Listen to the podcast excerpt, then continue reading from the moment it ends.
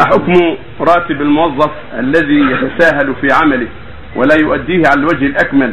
هل هو يصبح حرام أم حلال؟ راتبه فيه شبهة. ينبغي له أن يتقي الله وأن يعتني بعمله. حتى لا يكون في راتبه شبهة. لأن الواجب عليه هي أن يؤدي الحق الذي عليه حتى يستحل الراتب. فإذا كان لا يبالي فراتبه على كل بعضه حرام. ينبغي له يحذر. ويتقي الله جل وعلا.